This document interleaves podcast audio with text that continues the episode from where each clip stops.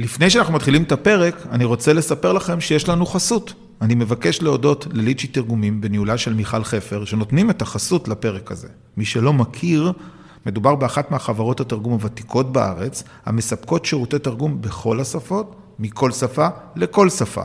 פרטים נוספים, lichy.coil, זה www.lichi.co.il.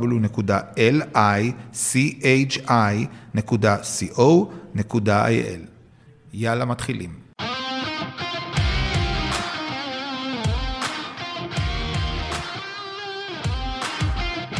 אמריקה בייבי הפודקאסט שהוא שער הכניסה להבנת ההיסטוריה, החברה, הדיפלומטיה והפוליטיקה בארצות הברית, בהנחיית דוקטור קובי ברדה.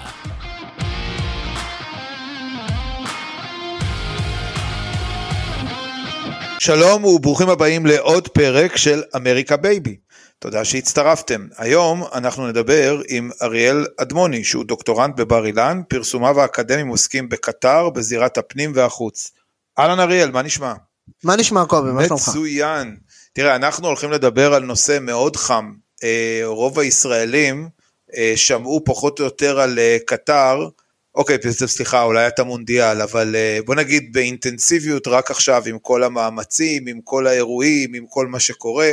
אבל לפני שאנחנו צוללים להיום, אה, הייתי שמח אם היית יכול לתת לנו איזושהי סקירה קצת על אה, קטר, מה, מה המקורות שלה, איך היא נוסדה, מה השושלת, כל מה שאתה יכול לתת לנו, תעשה לנו מה שנקרא ground level, כדי שנבין מי זאת קטר, מאיפה היא באה ולאיפה היא הולכת. אני אשתמש דווקא בסוף, במה שאמרת על המלחמה. היה קטע שבו נכנסתי, בית, אה, הייתי עם אחותי, נכנסתי למקלט, ואז אה, הבן של האחיין שלי היה עם חולצה של אה, מסי, ועל החולצה כתוב את ראשי התיבות אה, קטר ניישנל בנק, ה-QNB, ואז אמרתי לה, את קולטת שאותו Q שיורה עלייך טילים זה אותו Q שהבן שלך לובש על החולצה. זה סימבולי למדינה הזאת היום, שמשתמשת בכל אמצעי אפשרי כדי להשפיע, וזה קשור למקורות שלה. זה קשור למקורות שלה כי בסוף זו השושלת המלוכה הצעירה ביותר במפרץ, היא פה רק מ-1851 וזה רק במונחים של המפרץ. אה, שושלת אלת'אני אה, שלטה שם, שוב, כשאנחנו אומרים שם, זה לא אזור נחשק במיוחד, גם אפילו כשמתגלה הנפט זה עוד לא נחשב אזור נחשק במיוחד. הדרך שבה היא הופכת להיות משמעותית מאוד זה בעיקר בשנות התשעים, אז אה, אחרי שנים שהם היו לא כל כך פקטור, הם ניסו משנות ה-70, מרגע קבלת העצמאות, אפילו קצת לפני. רגע, אריאל, מי, ש... מי שלט עליהם לפני זה? איזה מדינת חסות? של מי הם היו? בגדול הם אה, נקרא לזה מסתמכים על הבריטים והעות'מאנים במאה ה-19. רשמית הם אף פעם לא אהבו להיות כפופים לאף אחד. זאת אומרת, רשמית העות'מאנים שולטים שם מ-1871, אבל הם מתנגשים איתם בקרב וואג'בה ב-893. עד היום, המונדיאל היה ב-18 בדצמבר, לא סתם. כי זה יום העצמאות הקטרי, יום העצמאות הקטרי שזה לכבוד המייסד של המדינה, שייח' ג'סם, שהוא זה שמעז להתנגש עם העות'מאנים וללכת עם הבריטים, אבל גם לא, הוא אף פעם לא ייגרר לאף צד, ייגרר, הם תמיד ילכו עם הצד הקטרי. ולכן במקביל נקרא לזה החוסר מחויבות הזאת לאף צד מאפיין אותה מאז ועד היום. אז uh, ב-1916 הם חותמים על הסכם חסות עם בריטניה, תחתיה הם בונים את, את הממשל, תחתיה הם בעצם חותמים על הסכמי נפט, בהם הם נעזרים כדי לבנות את המוסדות הרשמיים ואפילו קבוצות הספורט. ברגע ש... ואז אנחנו שוב קופצים לשנות התשעים. ברגע שהם קולטים שהאמריקאים זה הגורם שצריך לעשות איתו עסקים, אז הם מתחילים איתו בעסקים בשנות ה-70, ובשנות התשעים הם ממסדים את זה בצורה, ש... זו הסיבה למה היום אי אפשר לדבר על קטר בלי לדבר על ארצות הברית. מצוין. עכשיו הבאת אותנו פחות או יותר לימינו אנו, לפני שנגיע ממש לימינו אנו, הייתי רוצה לנסות, אם אתה יכול אה, לתת לנו איזשהו זום אין על השנים האחרונות, אוקיי? אה, כאשר אנחנו מסתכלים על קטר, קודם כל אה, אנחנו רואים שהיא פועלת הרבה מאוד פעמים דווקא במשותף עם הטורקים, בכל מה שקשור לעניין של האחים המוסלמים. אה, החדירה לקמפוסים, הרצה של מועמדים פוליטיים, זה אולי אנחנו נדבר בהמשך מצד אחד, ומצד שני אנחנו רואים אותה נכנסת לאיזשהו עימות עם השכנות שלה במפרץ, והן עוברות איזשהו תהליך של חרם לפני כמה שנים, אז אם אתה יכול לתת לנו קצת פיקוס על השנים ממש האחרונות, לפני שנקפוץ למלחמה, לימינו אנו. אוקיי, okay, אז השנה הקריטית היא 1995. אחרי שקטר הייתה פחות או יותר בוא נהיה כנים, בשולי העולם עד אז, קם שם דור חדש, חמד בן חליפה עולה כאמיר, מדיח את אבא שלו, הוא ממנה את חמד בן ג'סם כשר החוץ, ושני החמדים האלו אה, מחליטים שהם רוצים לשים את קטר על המפה.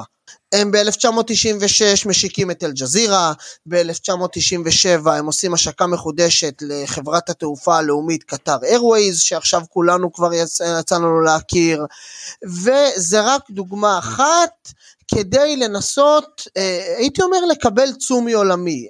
זה נשמע מזלזל אבל זה לא. ככה מתייחסים לזה גם במפרץ וגם בעולם, הילד הרע שרוצה את תשומת הלב, הילד הרע שרוצה לקבוע את ההחלטות, אגב הם הצליחו. אה, היום שכל העולם מחכה למוצא פיהם לגבי עסקאות חטופים, לגבי משא ומתן בין איראן לבין, אה, לארצות הברית, בין ונצואלה לארצות הברית, בין רוסיה לאוקראינה, אז הם מכתיבים את סדר היום וזה מה שהם שאפו אליו. ב-1995 זה נראה מופרך, היום זה נראה לנו מובן מאליו. וכחלק מהאסטרטגיה הזאת הם לא מוכנים יותר ל- להיות uh, מובנים מאליהם במפרץ, והמפרץ מאוד לא אוהב את זה. Uh, הסעודים התרגלו שנים שקטר פחות או יותר הולכת אחריהם, אולי קצת מדי פעם מרימה את הכל, אבל לא יותר מדי. והסעודים והאמירתים והבחריינים לא אוהבים את זה שפתאום יש פה מדינה שהייתה אחת מאיתנו, או לפחות חשבנו שהיא אחת מאיתנו, והולכת נגד הזרם. אז כשעולה מוחמד בן סלמן, יורש העצר הסעודי, הוא בכללי גן uh, הפי בהרבה מאוד אזורים, בתימן וגם בקטר. הוא מחליט ב-2017 להוביל מהלך אזורי. הוא מחליט לה, uh, להגיע, uh, לעשות מעין מצור, עכשיו אנחנו נכנסים לטרמינולוגיה כי אה, כשאני מדבר עם קטרים ואמירתים הם לא מסכימים לקרוא לזה באותה צורה. אבל אה, בגדול אה, נגיד את העובדות קודם כל. ב-2017 מחליטות ערב הסעודית ומובילות את בחריין, איחוד האמירויות ומצרים לעשות חרם שהולך להימשך ארבע שנים הם מנסים לגרור עוד מדינות לסיפור הזה, הם קצת מצליחים, הם מנסים אפילו לפנות לאמריקאים, לאמריקאים הם טיפ טיפה מצליחים, ומתחיל חרם בין ארבע שנים, שהולך להיגמר ב-2021 בפסגת אל-אולה, בערב הסעודית, והסיבה שהוא נגמר, גם מה שהזכרת עם טורקיה, זה שהוא פשוט נכשל. קטר ידע להתמודד עם זה בצורה באמת מדהימה. היא הלכה, לקטר, היא הלכה לטורקים, היא הלכה, לה, היא הגבירה ייצור מקומי, היא הלכה לאיראנים, ובניגוד לכל התחזיות, קטר פשוט הצליחה דווקא להתחזק מהחרם הזה.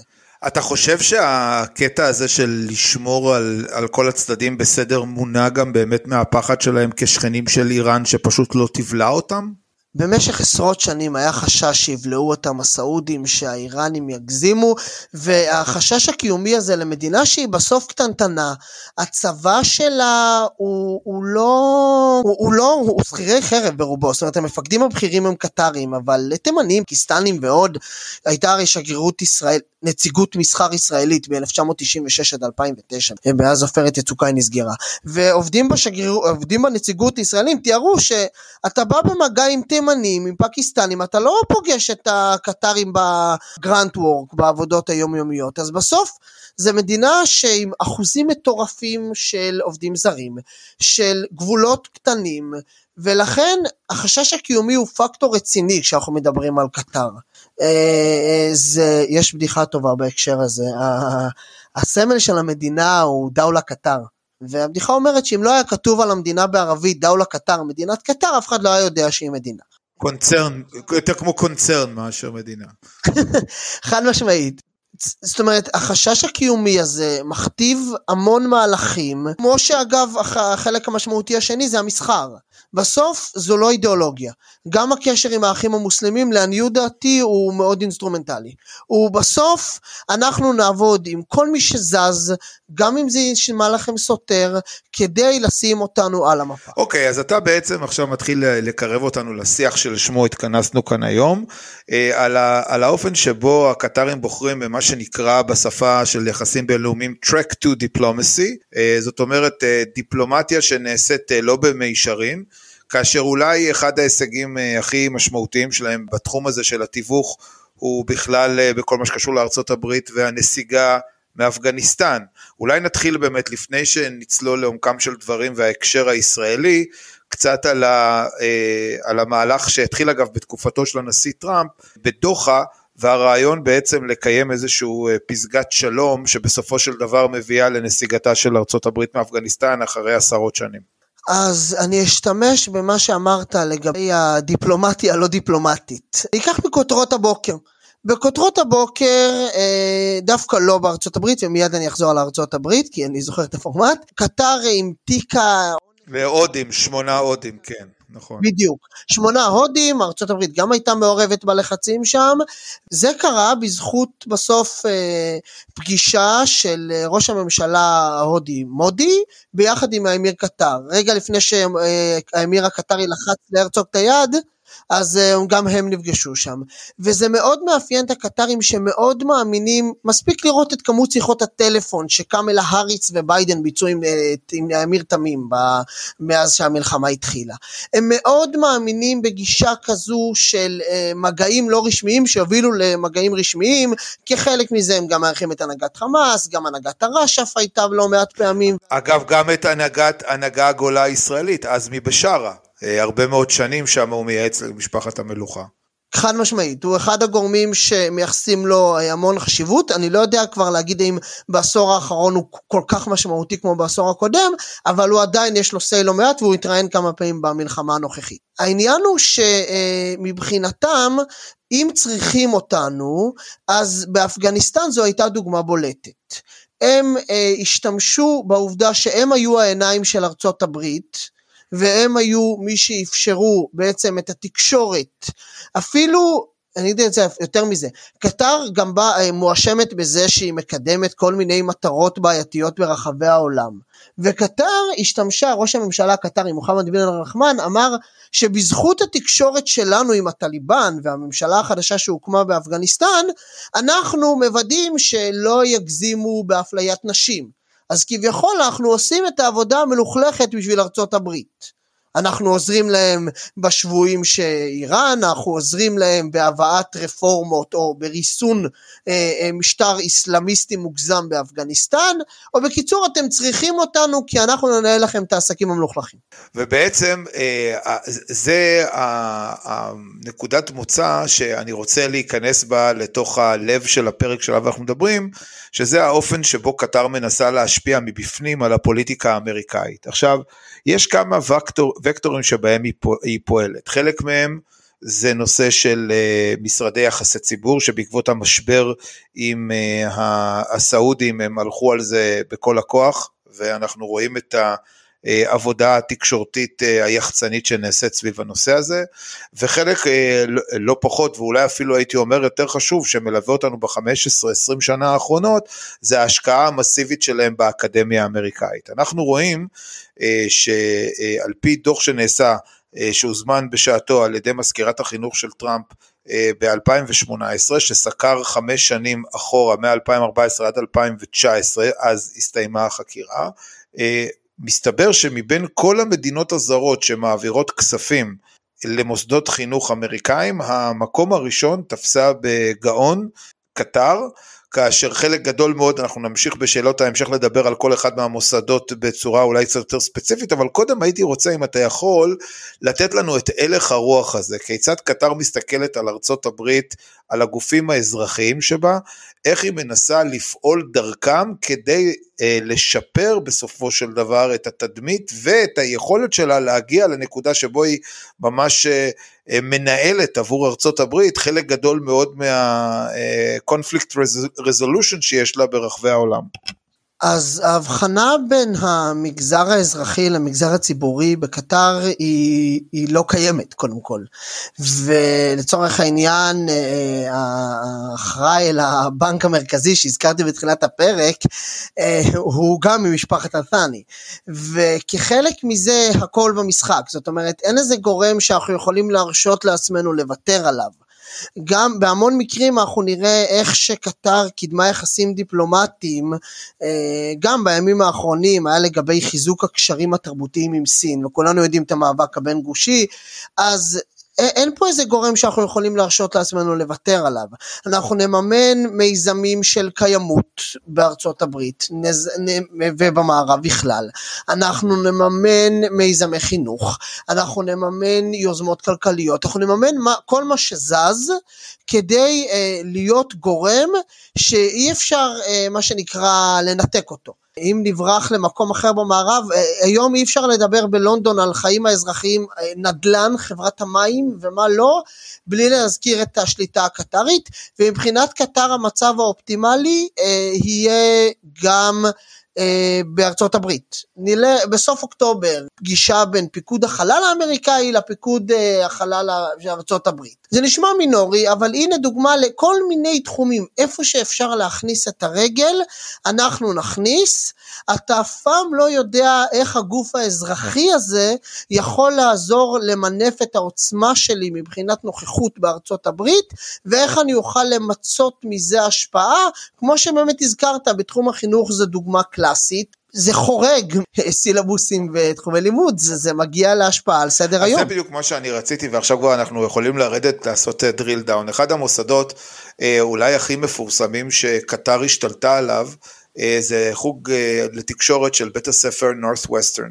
הם בשנת 2014 או 2015, אם אני לא טועה, פותחים את השלוחה הקטרית בדוחה.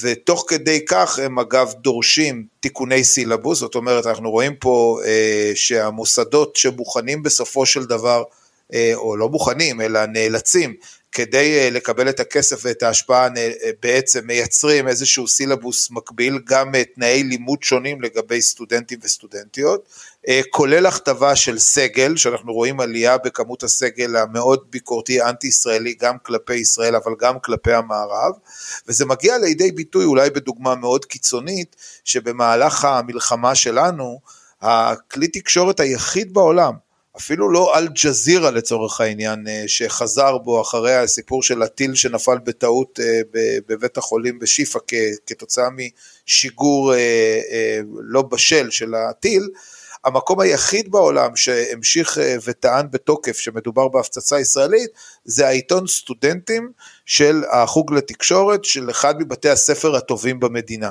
אה, ואני הייתי רוצה לשמוע את הטייק שלך על הנושא הזה, על בעצם היכולת של הסופט דיפלומסי הזאת, איך אתה בעצם מצליח לקבע נרטיב, אוקיי, שלוקח קדימה דורות של אה, סטודנטים צעירים, כאשר רק לאחרונה סקר האריס אה, אה, מדבר על זה ש-51% מדור ה-Z מעדיפים את החמאס על פני ישראל. זאת אומרת, וראינו כולנו את הסיפור הזה במסגרת השימוע של שלושת הנשיאות בקונגרס, שהפך להיות השימוע הנצפה ביותר בהיסטוריה תוך פחות משבוע, למעלה ממיליארד צפיות, עם השלכות שבסופו של דבר מביאים לפיטורין של נשיאת פן, ויכול מאוד להיות שיהיה גם אה, דברים נוספים, וחקירת קונגרס. תן לי, אה, ככה תפרק לי את כל האירוע הזה, איך, איך הם הצליחו לבנות מפלצת כזאת. אז כמו תמיד, זה מתחיל תוך דוחה ויוצא החוצה. עוד מ-1970 אנחנו רואים איזה שלוחות ראשונות שפועלות בדוחה של ג'ורג'סטאון ועוד, זאת אומרת זה תקשורת או תרומות, ב-1970 זה עוד תרומות החוצה. ומה שקורה מהרגע שאותו חמד בן חליפה עולה לשלטון, מוסדות החינוך הן הדרך אה, להגביר נוכחות והשפעה, גם בתוך קטר עצמה. אוקיי? לצורך העניין, יש רפורמה במערכת החינוך הקטרית, אה, שהקטרים המקומיים לא מתים עליה בכלל, אה, כשאנחנו משתמשים במוסדות כמו ראנד ועוד כדי לעשות רפורמה בתוך הבית, ומזמינים אוניברסיטאות כמו טקסס A&M, אה, כמו נורט ווסטרן, אה, אה, כדי שיבואו להתארח אצלנו. עכשיו, כשאנחנו, אה, אה, אשתו של חמד בן חליפה, שייח' עמוזה, שגם היא אה, מתנגדת בולטת של ישראל, בוא נגיד, ומשתמשת בשערי ווג ועוד לקדם את האג'נדה שלה, מוכרת בתור אה, נשיאת החינוך, היא אה, מנכ"לית הארגון החינוך מעל הכל, ועוד כמה ארגונים בכללי, קטר ממתגת את עצמה בתור מי שהקימה בתוך שטחי דוחה את עיר החינוך, בשטחה מוקמים אוניברסיטאות זרות, והקטרים לא מתים על זה, כחלק מזה השייחה, השייחה מוזה מציגה את זה בתור ניסיון אה, שיותר לא יזלזלו בתרבות שלי. עכשיו זה פרדוקס, אתה מזמין אוניברסיטה זרה כדי שלא יזלזלו בתרבות שלך. ויש כל מיני תופעות שדוחה לא אוהבת, האזרחים לא אוהבים לראות, זאת אומרת, הליכה, קמפוסים מעורבים, זה לא מקובל. אוניברסיטת חמד בן חליפה לא עובדת עם קמפוסים מעורבים, אבל קטר משתמשת בזה כדי לפנות החוצה. כשהאמיר חמד ירצה וגם האמיר תמים ירצו נאומים גדולים, הם יעשו את זה באוניברסיטת ג'ורג'טאון. גם עכשיו, לפני כשבועיים, היה את פורום דוחה, כשצריך להגיד משפטים לגבי מדיניות חוץ שהקטרים עצמם לא רוצים להגיד נגד ארצות הברית, הם ייתנו את זה למוסדות האקדמיים להגיד את זה. כי אז זה במסווה של דיון אקדמי, אז סבבה להגיד את זה. אנחנו לא אמרנו שאנחנו נגד אימפריאליזם אמריקאי, זה מוסד, אמרי, מוסד אקדמי אמר.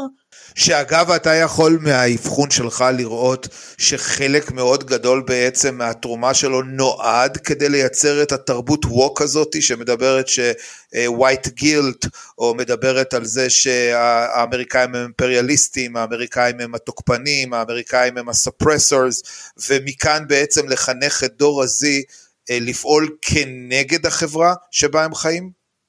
לאבחן קשה, כי הקטרים יש להם אה, אה, מומחיות באיך לעשות דברים אה, לא ביושרה, אה, אבל חד משמעית יש פה איזה רצון קטרי, הייתי אומר לעשות מבנה דו-זרועי. קודם כל אני מביא כסף למי שזז, גם אם כרגע הוא לא אוהב אותי.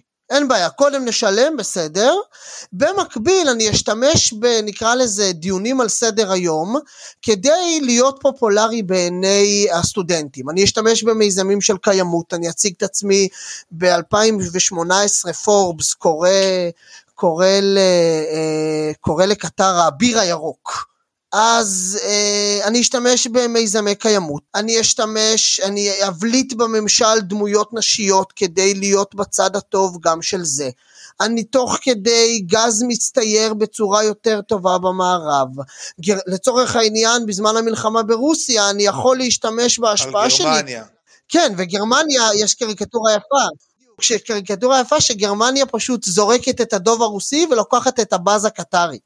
ובסוף אני מציב את עצמי במקום טוב מבחינת, אה, הייתי אומר, ערכי המערב, ואז אני גם יכול להשתמש במאבקים של, כמו שאמרת, אה, היה לצורך העניין את שאלת האסלאמופוביה.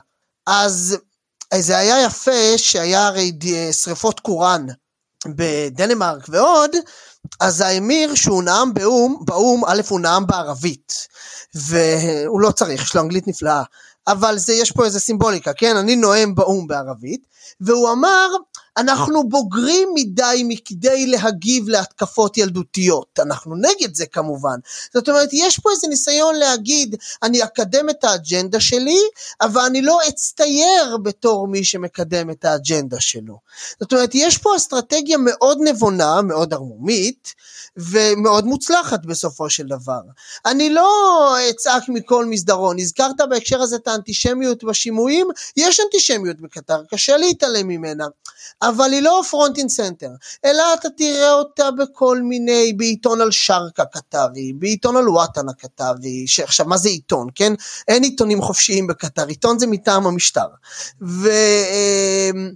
בסוף אני אעשה מבנה דו-זרועי, אני אממן גם גורמים שלא אוהבים אותי, אבל עם הכסף יבוא להם התיאבון, ובמקביל אני אשתמש בטרנדים בינלאומיים כדי אה, למשוך את תשומת הלב אליי, וברגע שתשומת הלב אליי, אני כבר אדאג להכתיב את הנרטיב בצורה שתבוא בצורה טובה. יפה. אז בוא נדבר רגע על הצד האפל, כי עד עכשיו דיברנו על הצד המואר והיפה. בוא נדבר על הצד... אה, זה היה מואר? כן, כי תראה, אם אתה מנסה לעשות גרין ווש או פינק ווש או משהו כזה, ואתה יודע, ותורם למטרות כאלה, זה לכאורה הצד היפה של הכסף. עכשיו אני רוצה לדבר איתך על הצד האפל של הכסף. הקנייה של פוליטיקאים, אה, בין היתר אנחנו יודעים שמשחקי המונדיאל, שאגב ביקורת עצומה על ניצול עובדים זרים במערב, אה, וזה שזה הביא למותם של אלפי אנשים בתת תנאים וכן הלאה, משמש בעצם סוג של מנוף לשחד אה, אה, אה, פוליטיקאים, יש פרשייה אה, שמתגלה במקביל גם כן אה, באיחוד האירופי של אחד מחברי הפרלמנט האירופי שרגע לפני שמצליחים אה, לבטל בפרלמנט את הוויזה ההדדית, את הצורך בוויזה הדדית, מסתבר שיש אצלו מזוודות של דולרים בבית, מזוודות של דולרים בכלל זה איזשהו משהו שהוא מאוד הולך יחד עם המילה קטר. ואני רוצה לשמוע ממך באמת על הדרך שלהם, איך הם מצליחים אה, לקנות פוליטיקאים, בין אם בכאורה בתרומה מסיבית אה, דרך אה, אנשי אמצע, כמו שקרה במקרה של אילין עומר, שאנחנו שמענו על זה במשפט שבו נאמר במשפט תחת שבועה איש עסקים שאנשים שקרובים למשפחת המלוכה הקטרית אמרו לו שאם לא היה הכסף שלהם אז אילין עומר הייתה נשארת כמלצרית במיניסוטה בסנט פול מיניסוטה, או בין אם זה על ידי זה שהם פשוט פיזית מעבירים אה, כסף או טובות הנאה דמות המונדיאל. תן לי קצת אה, הסבר על האירוע הזה, על, על האופן שבו הם עושים שימוש בכסף אה, שחור, דארק מאני מה שנקרא. אז אני אשתמש במלחמה הנוכחית בתור מנוף לענות על כך. שמעתי הרבה מאוד, גם קובעי מדיניות וגם אחרים, שאומרים שאחרי המלחמה הזאת דברים לא ייראו אותו דבר, גם מבחינת קטר, זהו, העסקים נגמרו, אנחנו נלחץ גם על ארצות הברית להוציא את הבסיס האמריקאי וכל מיני רטוריקה כזו. אני סקפטי. אני אגיד למה אני סקפטי ואיך זה קשור לשאלה שלך. כי ב-2013-2014 קטר מממנת uh, את ג'בהת אל-נוסרה בסוריה, יש סנטורים אמריקאים שטוענים שגם המימון אה, כזה עובר לדאעש, וכבר אז נשמעות אותן הבטחות, זהו, סיימנו עם קטר, יותר זה לא יקרה. כחלק מהמאבק הקטרי להשפיע על, על דעת הקהל האמריקאית ועל הפוליטיקה האמריקאית, היה, אה, אה, אה, קטר מממנת הזמנה של גורמים, אפילו יהודיים, נשיאים ארגונים, נשיאים של ארגונים יהודיים לדוחה, בעצם לעשות להם סיור, לדבר על ליבם, ובמימונם המלא כמובן, עם מלונות וכל מה שהתפנוקים הנדרשים. וזה כחלק מהניסיון הזה שאנחנו לא, אנחנו במקביל לזירה התקשורתית שאי אפשר להתעלם ממנה, אני אפעל פרטנית על חברי קונגרס, על משפיענים, על אורחים תקשורתיים, כדי שהנרטיב שלי יהיה בתמונה. ומבחינתם גם לצורך העניין אמרתי ארגונים יהודיים אז אה, אני לא פוסל לא רפובליקנים לא דמוקרטים לא יהודים לא לא יהודים. אה, בפורום דוחה שהזכרתי לא מזמן רוב הדוברים שרו את אותו צליל חוץ מלינזי גרם. לינזי גרם דווקא תמך בישראל שם. אבל הוא גם אמר, זימר את מה שהקטרים רצו מבחינת זה שכדאי להשאיר את הנהגת חמאס שם. זאת אומרת, אני לא יכול להרשות לעצמי להפקיר אה, סיידרס uh, דייל, מה שנקרא, uh, אף צד, uh, אני, אני אתמוך במי שזז, כדי לוודא שגם אם עכשיו הוא לא תומך בי, הוא, הוא לא יתנגד לי בצעד הבא, ובסוף אני אשתמש במיזמים שלי בשמי הטוב, אחד הבכירים הקטרים הראשונים שנפגש עם משפחות החטופים היה משל עת'אני, שגריר קטר בארצות הברית. הוא במקביל גם פרסם מאמר בוולסטין ג'ורנל שבו הוא הסביר למה קטר היא מתווכת הוגנת. אה, אנשים אה, גיקים של קטר כמוני שעקבו באובססיביות אפילו אחרי אה, חשבון הטוויטר של שגרירות קטר בארצות הברית ראה שכל ההתבטאות של סנטור הם דאגו לרטווט אותה ולהגיב עליה ישר ולהצטדק ולהסביר זאת אומרת, יש פה איזה ניסיון להגיד, אנחנו לא מפקירים את הזירה הזאת, גם אם אנחנו פוחדים, יצא לי לעשות שיחה, לא משנה עכשיו עם מי, אה, אה, אה, ש... שאמר לי שבשיחות סגורות בית המלוכה הקטרי באמת מפחד מהיום שאחרי עם ארצות הברית ולכן הם כבר מעכשיו, הם כבר, כבר מעכשיו, חודש אחורה, הם כבר פעלו לפגישות עם אנשי עסקים. עכשיו מה זה אנשי עסקים? אנשי עסקים גם כמו קושנר שעכשיו כביכול הוא לא במוקדי הכוח, אבל אנחנו צריכים לדאוג ליום שאחרי, אז נבדוק שהמגזר העסקי, הזירה הבינלאומית וגם הפוליטיקה האמריקאית אה, אה, אה, תזכור אותנו בצורה חיובית. וואלה, מבלי ששמנו לב אנחנו כבר על חצי שעה, אז זה משאיר לנו זמן לשאלה קצרה ותשובה קצרה. איפה אתה רואה את קטר אחרי המלחמה, זאת אומרת בטווח של החודשים הקרובים, ביחס אה, לציר של ישראל לארצות הברית? דומיננטית מתמיד. באמת? כי? צר לי לאכזב, כי? כן. הרבה מקווים אחרת, אני פשוט לא רואה איך מנתקים אותה. אה, במלחמה הזאת הנוכחות שלה רק התגברה. אני לא רואה אותה מתנתקת מהסיפור הזה, אני לא רואה איזה אפשרי. כלומר, אתה חושב שהיא תהיה מעורבת גם בניהול של עזה ביום שאחרי? אני חושב שישראל תילחם שזה לא יקרה, גם אם היא תצליח, חשוב לזכור, לקטר יש יחסים ענפים עם הרש"ף, אז זה לא שנעלם חמאס, נעלם קטר, ממש לא. אני חושב שגם אם ישראל תתנה של, שהיא לא תתערב, וגם בזה אני בספק, גם אם ישראל תתנה שהיא לא תתערב, קטר תמשיך לנסות להזדנב בכל דרך אפשרית לזירה הזו, זו לא הפעם האחרונה שאנחנו מדברים על קטר, ממש לא. וואי, אריאל, היה מרתק, תודה רבה שהבאת לנו פרק אה, שפחות מוכר לנו לישראלים על קטר, באמת מרתק, תודה רבה רבה לך. תודה לך. תודה רבה שהאזנתם לפרק הזה. אתם יכולים למצוא אותנו בכל האפליקציות של הפודקאסטים, דוגמת ספוטיפיי, אפל, גוגל פודקאסט ועוד. ושוב, המון תודה לליצ'י תרגומים בהנהלת מיכל חפר, בית לשירותי תרגום בכל השפות על חסותם לפרק זה, שניתן למצוא באתר lichy.coil, זה www.lichi.co.il. תודה מיוחדת לחברת הפודקסייה בניהולו של שלום סיונוב על הפקת הפודקאסט הזה. נתראה בפרק הבא.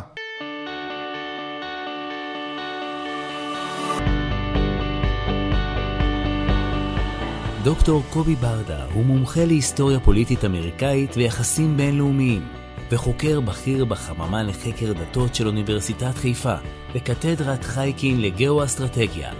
דוקטור ברדה הוא גם מחברם של הספרים המפתח להבנת דונלד טראמפ ו-Grassroot Path to Congress. מחקריו מתמקדים בשתולות למען ישראל בארצות הברית, דת ופוליטיקה באמריקה וגאו-אסטרטגיה.